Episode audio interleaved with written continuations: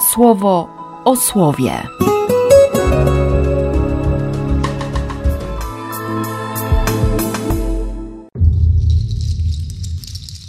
20 lutego, sobota. Z księgi Izajasza. Jeśli odepchniesz od siebie nierząd, użycie pięści, słowa groźnych pomruków, jeśli z duszy swej dasz głodnemu chleba, jeśli upokorzonemu życiu zapewnisz nasycenie, wtedy Twoje światło rozbłyśnie w ciemności, a Twoje mroki staną się jasne jak południe. Wtedy Twój Bóg będzie zawsze przy Tobie. Wtedy sycić się będziesz tym, czegokolwiek zapragnie Twoja dusza. Wtedy Twe kości okryją się tłuszczem, wtedy będziesz jak sad dobrze nawodniony lub jak krynica, w której nigdy nie brak wody. Wtedy Twoje kości umocnią się jak rosnąca roślina i okryją się tłuszczem oraz przejdą w dziedzictwie na następne pokolenia. Twoje odwieczne pustynie pokryją się budowlami, a Twoje fundamenty trwać będą z pokolenia na pokolenie. Będziesz nazywany budowniczym palisad, a Twoje ścieżki pośrodku Ciebie uczynisz bezpiecznymi. Jeżeli powstrzymasz swą stopę od przekraczania szabatu, by w ten dzień święty nie wykonywać swoich zamierzeń, jeżeli nazywał będziesz szabaty rozkoszą i dniami poświęconymi Panu, jeżeli nie poprowadzisz swych stóp do pracy, jeżeli nie wypowiesz swoimi ustami gniewnego słowa, jeżeli swą ufność oprzesz na Panu, to On cię dopuści do dóbr tej krainy i sycić cię będzie dziedzictwem Jakuba, twojego praojca. Tak orzekły usta Pana. Z Ewangelii według świętego Łukasza. Potem odszedł i zobaczył poborcę imieniem Lewi, siedzącego przy cle. Powiedział mu: Chodź ze mną. Zostawił wszystko, wstał i chodził z nim. Lewi zrobił w swoim domu wielkie przyjęcie dla niego. Było bardzo dużo poborców i innych siedzących z nimi. Faryzeusze i ich uczeni w piśmie szeptali z niezadowoleniem i mówili do jego uczniów: Dlaczego jecie i pijecie z poborcami i grzesznikami? Na to Jezus rzekł im: Niezdrowi potrzebują lekarza, lecz źle się czujący. Przyszedłem wezwać do nawrócenia nie sprawiedliwych, lecz grzeszników. I cała paleta obietnic.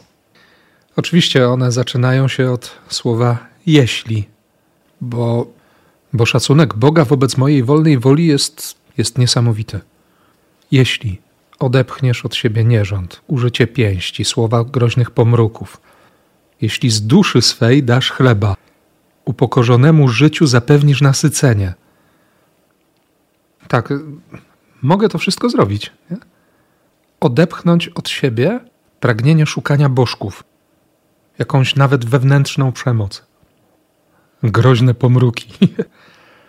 Wiem, że potrafię nieraz tak powiedzieć, nawet nie pomrukiem, tylko tak cedzić słowa, że, że idzie w pięty. Dać ze swojej duszy chleba głodnemu? No, proste pytanie o to, czym się karmię. Nie? Jak głęboko oddycham słowem Boga? Czym karmię moje siostry i moich braci? Zapewnić nasycenie upokorzonemu życiu. W kontekście tego, co było wczoraj, to naprawdę ważne, bardzo ważne dla mnie wezwanie. Ale co się wtedy dzieje? Światło rozbłyśnie w ciemności, Twoje mroki staną się jasne jak południe.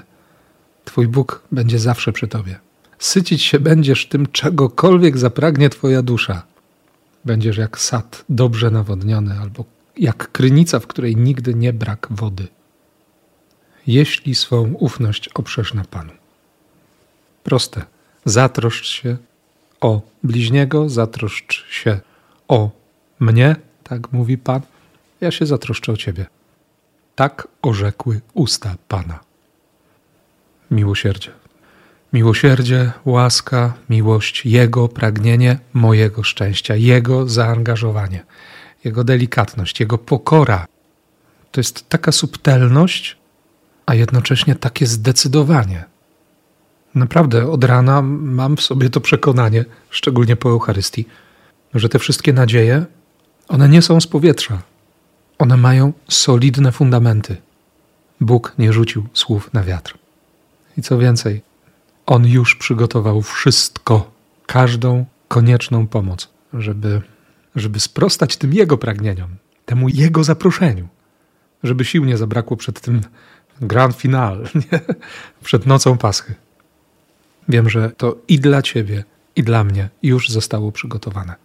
To naprawdę może być piękny post. I jeszcze dzisiaj ten zachwyt. Zachwyt Jezusa człowiekiem, który, który pewnie sam ma dość swojego życia. Piąty rozdział Łukasza to, to rzeczywiście kawalkada cudów. Cud cudem, cuda cuda ogłaszają. Nie? Najpierw e, sieci pełne ryb i znowu powołanie Piotra. Potem uzdrowienie, właściwie dotknięcie trędowatego. Kolejny dzień, wyjście naprzeciw pragnieniu kościoła, dzisiaj można by powiedzieć. Ci jacyś mężczyźni, którzy przynieśli sparaliżowanego człowieka, oczekują uzdrowienia ciała, a Jezus mówi: Ale przecież mogę więcej, chcę więcej. Reakcją jest oczywiście zdumienie, uwielbienie Boga, bojaźń, bo dzisiaj zobaczyliśmy coś nieprawdopodobnego.